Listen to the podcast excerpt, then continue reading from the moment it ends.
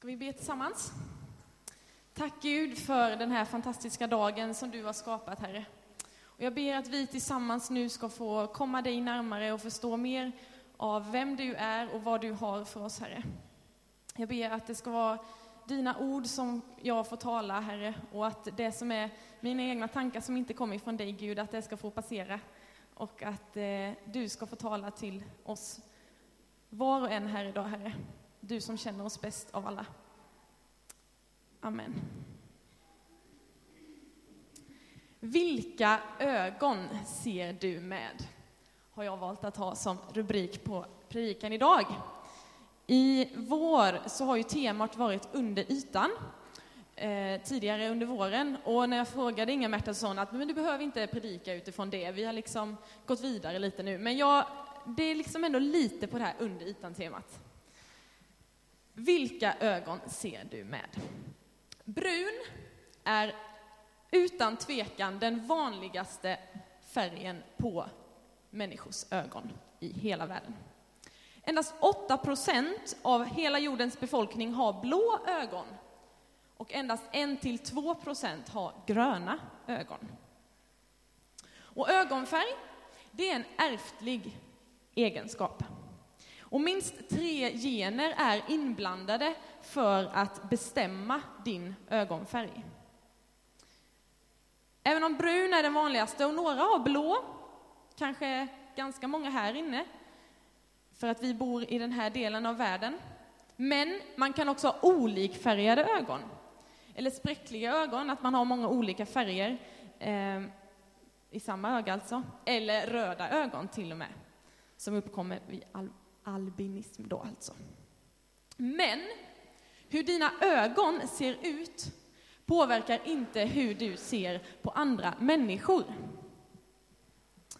Ofta så har pastorn eller predikanten eller prästen eller vem det är som pratar, som predikar, som har ett seminarium, så tre punkter som man liksom vill poängtera, tre poänger, tre saker som man vill att det här ska du ta med dig när du går härifrån.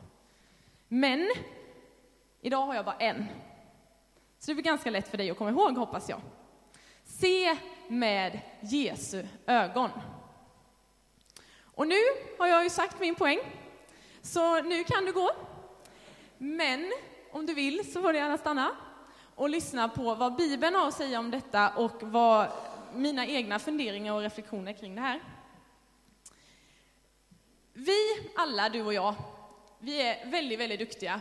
Man skulle kunna säga världsmästare, alla människor, på att faktiskt se olikheter och framförallt brister hos varandra. Vi är väldigt snabba att se det där felet. Det som man liksom snabbt vill påpeka och se misstaget hos en annan person.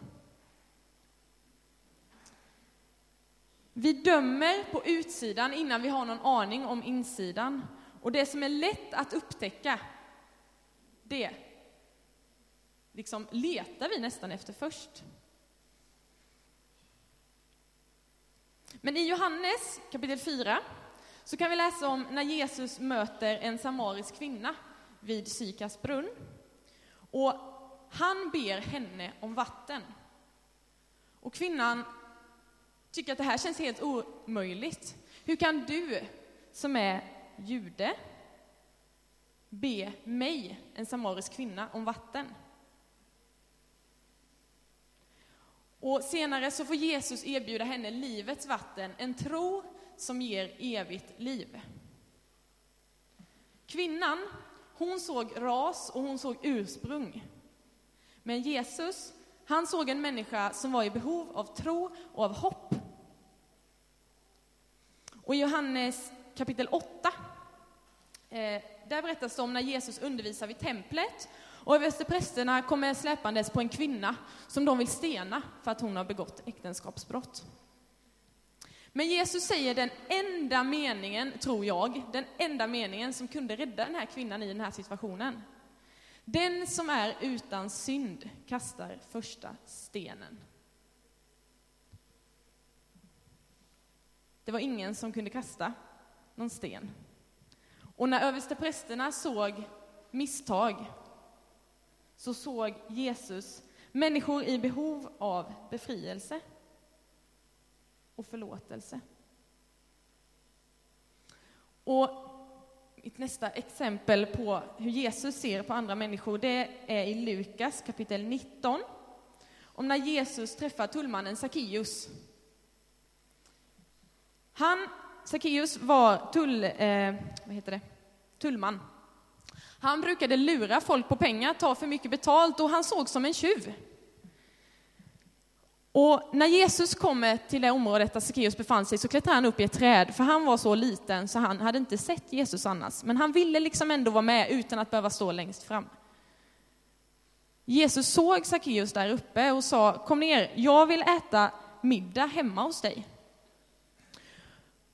Och folket runt omkring, de blev jättearga, för att de ville ju inte att Jesus skulle gå hem till Sackeus.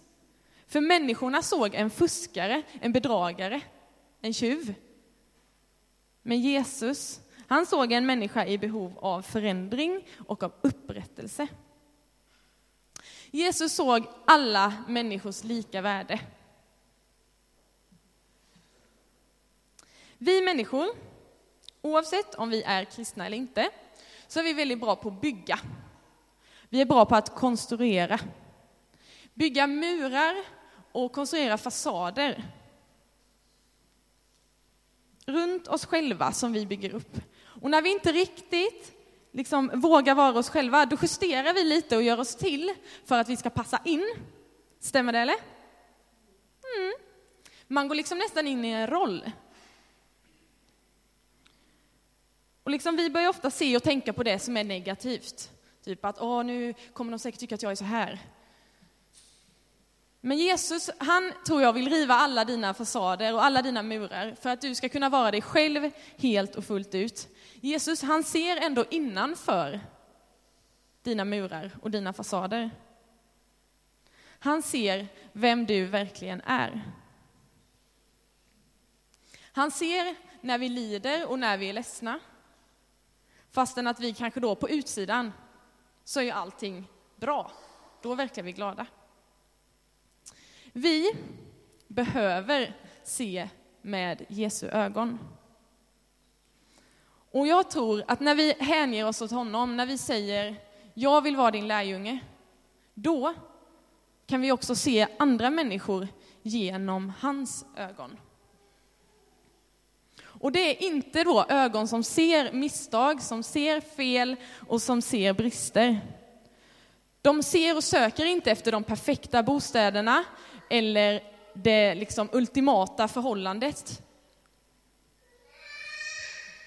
Utan när vi ser genom Jesu ögon så får vi, precis som han själv, se möjligheter och se befrielse, upprättelse och behov. Ögon som är fyllda med kärlek. Hjärta.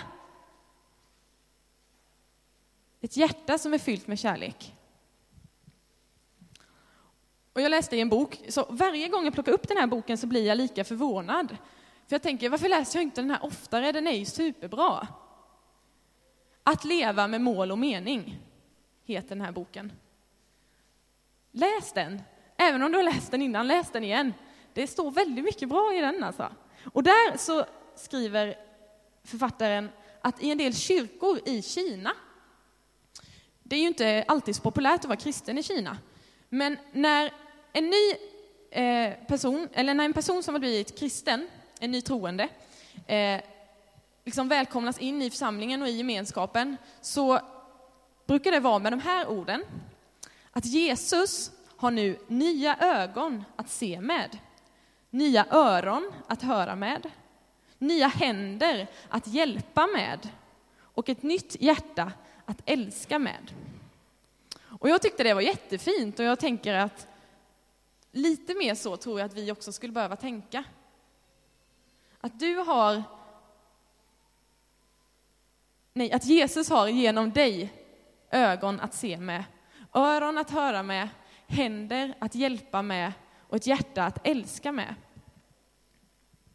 Och i en bibeltolkning som heter The Message som är en parafras, alltså en egen tolkning på, man har inte direkt översatt ifrån eh, den ursprungliga bibeln kan man säga, så eh, är liksom lite enklare ord att förstå, så står det så här i Lukas kapitel 6, vers 41-45.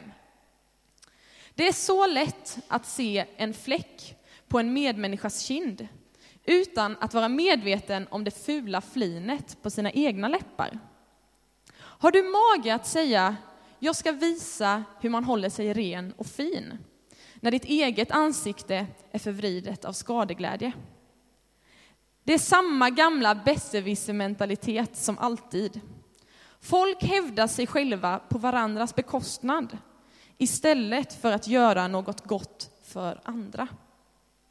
Sudda bort det fula hångrinet från ditt ansikte så kanske du klarar av att räcka din medmänniska en fuktig tvättlapp. Man får inte maskätna äpplen från ett friskt träd och inte fina äpplen från ett sjukt. Ju finare äpplen, desto friskare träd. Vilka liv, vilka liv ger era liv upphov till? Vad ni gör visar vilka ni är. Ert innersta sanna jag kommer i dagen när ni talar sanning och visar medkänsla.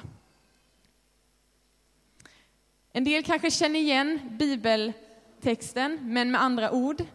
Varför ser du inte flisan? Eller du ser flisan i din broders öga, men inte liksom den här gigantiska stocken som sticker ut från ditt eget öga. Vi har så lätt att liksom peta på andras fel och misstag när vi själva kanske inte gör allting rätt hela tiden. Färg och form på dina ögon spelar absolut ingen roll.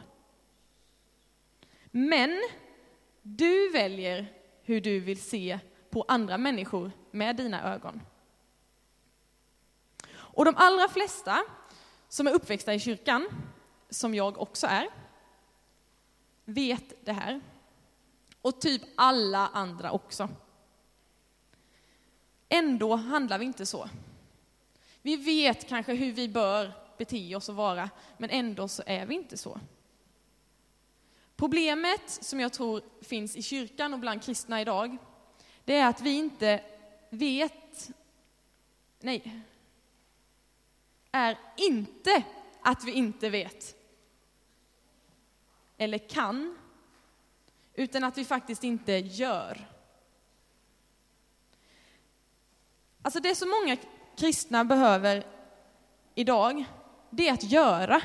Vi behöver egentligen inte sitta här och lyssna på ännu en till predikan. Vi behöver inte gå på ännu ett till bibelstudie eller till seminarier som säger om hur vi bör göra. Vi kan allt det där och vi har hört det många gånger. Det vi behöver, det är erfarenhet av att göra, av att tjäna, av att ge. För att vi vet så mycket mer än vad vi omsätter i praktiken. Och vi har så mycket kunskaper, alla vi som sitter här inne. Du har kunskap som inte jag har, och jag har kunskap som inte du har. Och den kunskapen som du besitter ska du använda, tror jag, för att göra gott för dig själv och för dina medmänniskor. Vi behöver alltså använda våra ögon och skaffa oss erfarenhet av att tjäna. Och nu kanske du tyckte att jag var lite hård. För det blir lätt så, när jag predikar, att jag liksom är lite hård. Men nu ska jag vara lite hård.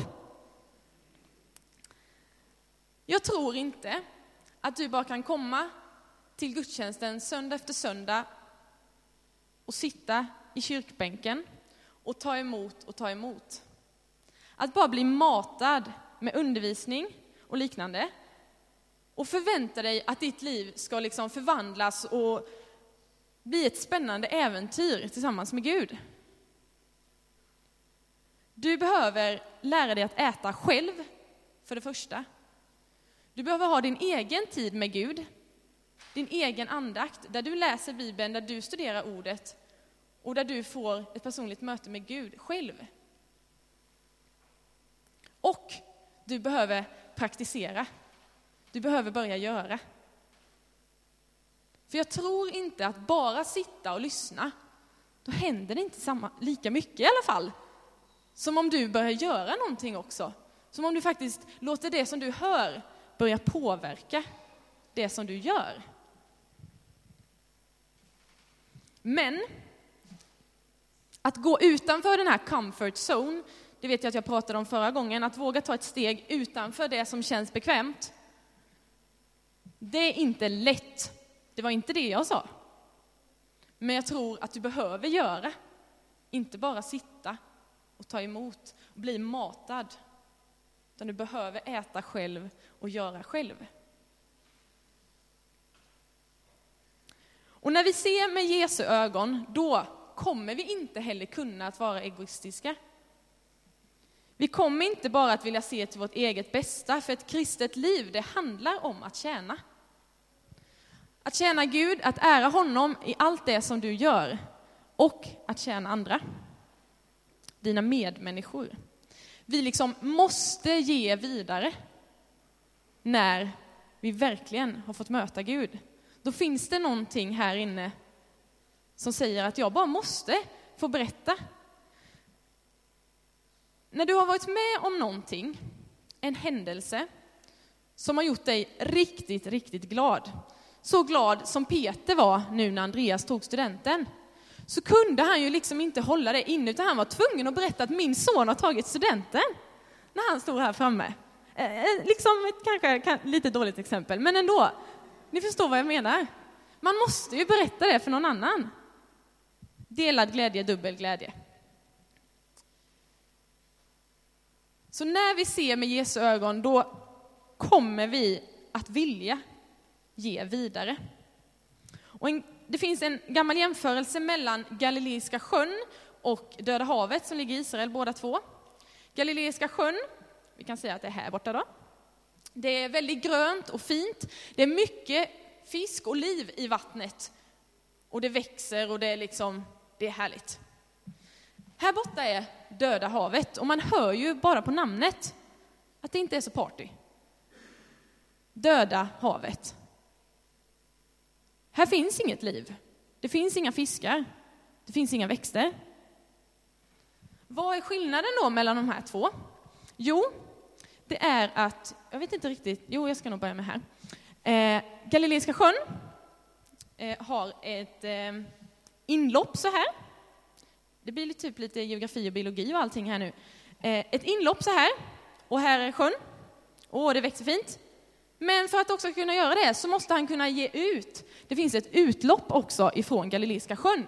Medan Döda havet har ett inlopp och sen tar det stopp. För att vi ska kunna växa och få liv så måste vi också ge ut. Vi kan inte bara liksom inmata det, utan då blir det till slut ingenting.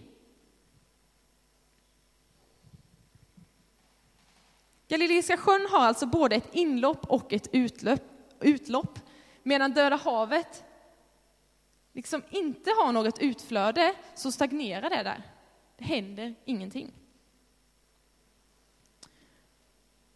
Och jag är uppväxt i en liten kyrka i Bredaryd, som ligger i Småland, typ 25 mil härifrån. Sen så jobbade jag på Öckerö, eh, i en församling där. Och både där och hemma i söndagsskolan och på Öckerö så har jag alltid tyckt om en liknelse väldigt mycket, som finns i Bibeln. Och jag har predikat över den förr på Öckerö. Men så hittade jag en liten så här ah, det här har inte jag tänkt på innan. Och liknelsen står i Lukas, och en liknelse är en berättelse som Jesus berättar för att förklara någonting för andra människor. I Lukas 10 kapitel, nej, vers 23 till 37. Då kom en laglärd fram och ville snärja honom och frågade Mästare, vad ska jag göra för att få evigt liv? Jesus sade till honom, vad står skrivet i lagen? Vad läser du där? Han svarade, du ska älska Herren din Gud av hela ditt hjärta och av hela din själ, av hela din kraft och av hela ditt förstånd och din nästa som dig själv. Jesus sa till honom, du svarade rätt. Gör det så får du leva. Och då ville mannen försvara sig och frågade Jesus, men vem är då min nästa, min medmänniska? Jesus svarade, en man var på väg från Jerusalem ner till Jeriko och råkade ut för rövare. De slet av honom kläderna och misshandlade honom. Och sedan gav de sig av och lämnade honom där halvdöd. En präst kom händelsevis ner, eh, ner samma väg och när han fick se mannen gick han förbi. På samma sätt var det med en levit. Han kom till platsen, såg mannen och gick förbi. En samarit som färdade samma väg kom också dit. När han såg mannen förbarmade han sig över honom. Han gick fram till honom, hällde olja och vin i hans sår och förband dem. Sedan lyfte han upp honom på sin åsna, förde honom till ett värdshus och skötte om honom. Nästa dag tog han fram två denarer och gav åt värdshusvärden och sa, sköt om honom och kostade mer ska jag betala när jag kommer tillbaka. Vem av dessa tre tycker du var en nästa för mannen som hade råkat ut för rövare? Och han svarade, den som visade honom barmhärtighet. Och då sa Jesus till honom, gå du och gör som han. Den barmhärtige samariten. Men innan jag pratar om honom så skulle jag vilja stanna i det som är vers 31 och vers 32. Och det är när prästen och leviten kommer förbi den här misshandlade mannen som ligger på marken. Prästen, han kunde skriften. Han går förbi. Va? Alltså varför reagerar man inte starkare? Han som verkligen visste hur man skulle göra, han går förbi. Jag tror inte det var så att den här prästen var på något sätt liksom omänsklig och inte såg att den här mannen hade ont. Såg att den här mannen var skadad.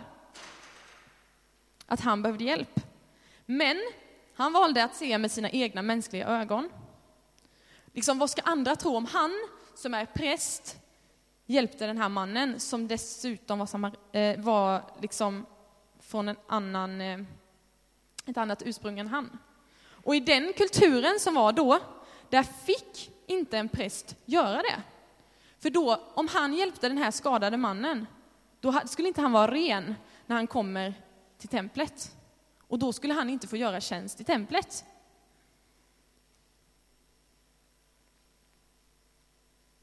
Alltså kunde ju liksom inte prästen hjälpa den nästan döda personen. För då skulle han inte få göra tjänst i templet.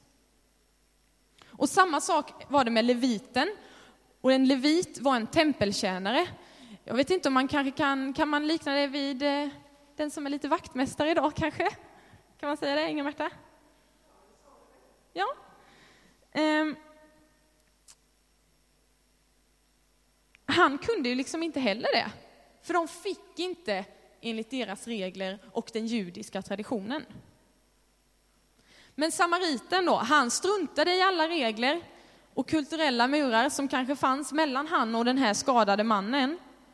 Han såg med andra ögon, han såg den människan som låg där. Så frågan är ju egentligen om prästen och leviten gjorde fel. Alltså inte enligt deras tro och deras kultur. De visste inte bättre helt enkelt då. De hade inte mött liksom Gud på det sättet, utan de följde den judiska traditionen. Men du, det här är ju en liknelse liksom. Så du som har Jesus, som har mött Jesus och vill tro och vill leva efter hans exempel, som jag tog upp tidigare. Vi är liksom därmed skyldiga att faktiskt inte göra som prästen. Samariten som visade barmhärtighet är den som vi ska ta efter. Det tror jag att alla är med på. Att vi ska hjälpa. Att vi ska handla som han och se med de ögonen som han såg med. Men idag så kanske vi inte så ofta hamnar i en situation där vi ser en misshandlad person ligga på vägen. Även om det kan hända i vårt land idag också. Men hur ofta ställs vi inte inför liknande situationer? Det kan vara verbala situationer där en människa misshandlar någon annan med sina ord. Är du en sån person som vågar säga ifrån då, när du ser att personen tar skada? Vilka ögon ser du med? Det finns en, eh, en gospelartist, en amerikansk gospelartist som heter Kirk Franklin. Och han har en sång som heter Last Jesus. Och jag gillar den texten i refrängen väldigt bra. Och den kopplar på ett tydligt sätt till att vi ska se med Jesu ögon. Texten är så här. If I say I love Jesus, but you can't see my Jesus, my words are empty if they can't see Jesus in me. No more excuses, I give myself away, because I may be the only Jesus they see. Alltså vad spelar det för roll om jag säger att jag älskar Jesus? Om inte andra kan se Jesus genom mig. Om inte jag reflekterar det som jag tror på. För jag skulle ju kunna vara den enda personen som gör det här för någon annan människa. Som får lysa upp någon annan människas vardag. Som får vara liksom den enda Jesus som de ser. Du skulle kunna vara den enda personen i någon annans liv som får spela den barmhärtige samariten. Som ser med ögon som inte dömer och inte liksom beskyller. Som ser möjligheter och som ser med kärlek. Alltså det är ganska allvarligt. Ändå så väljer vi så många gånger att inte göra det. Men tänk om du är den enda personen i någon annan människas liv. Du har en jätteviktig uppgift precis där du är. Och nu ska jag citera en person som jag vet att Inga-Märta i alla fall aldrig har citerat i sina predikningar. Och jag tror ingen annan heller, förutom när jag gjorde det förra gången jag hade med det här citatet. Det är så jag tror att världen blir bättre. En människa i taget, säger MacGyver. Även om det självklart egentligen inte är MacGyver som säger det här, utan det är ju någon som har skrivit vad han ska säga. Men så tror jag ändå att den här meningen är ganska bra. Det är så jag tror att världen blir bättre, en människa i taget. Vi kan inte förvänta oss att när vi går ut härifrån och har hört att vi ska se med Jesu ögon, att alla andra människor också kommer göra det. Men det kan ju börja med mig.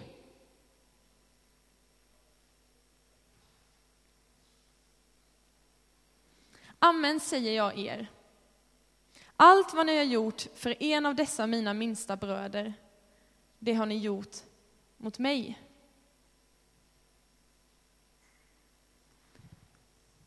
Se med Jesu ögon. För det är kärlek.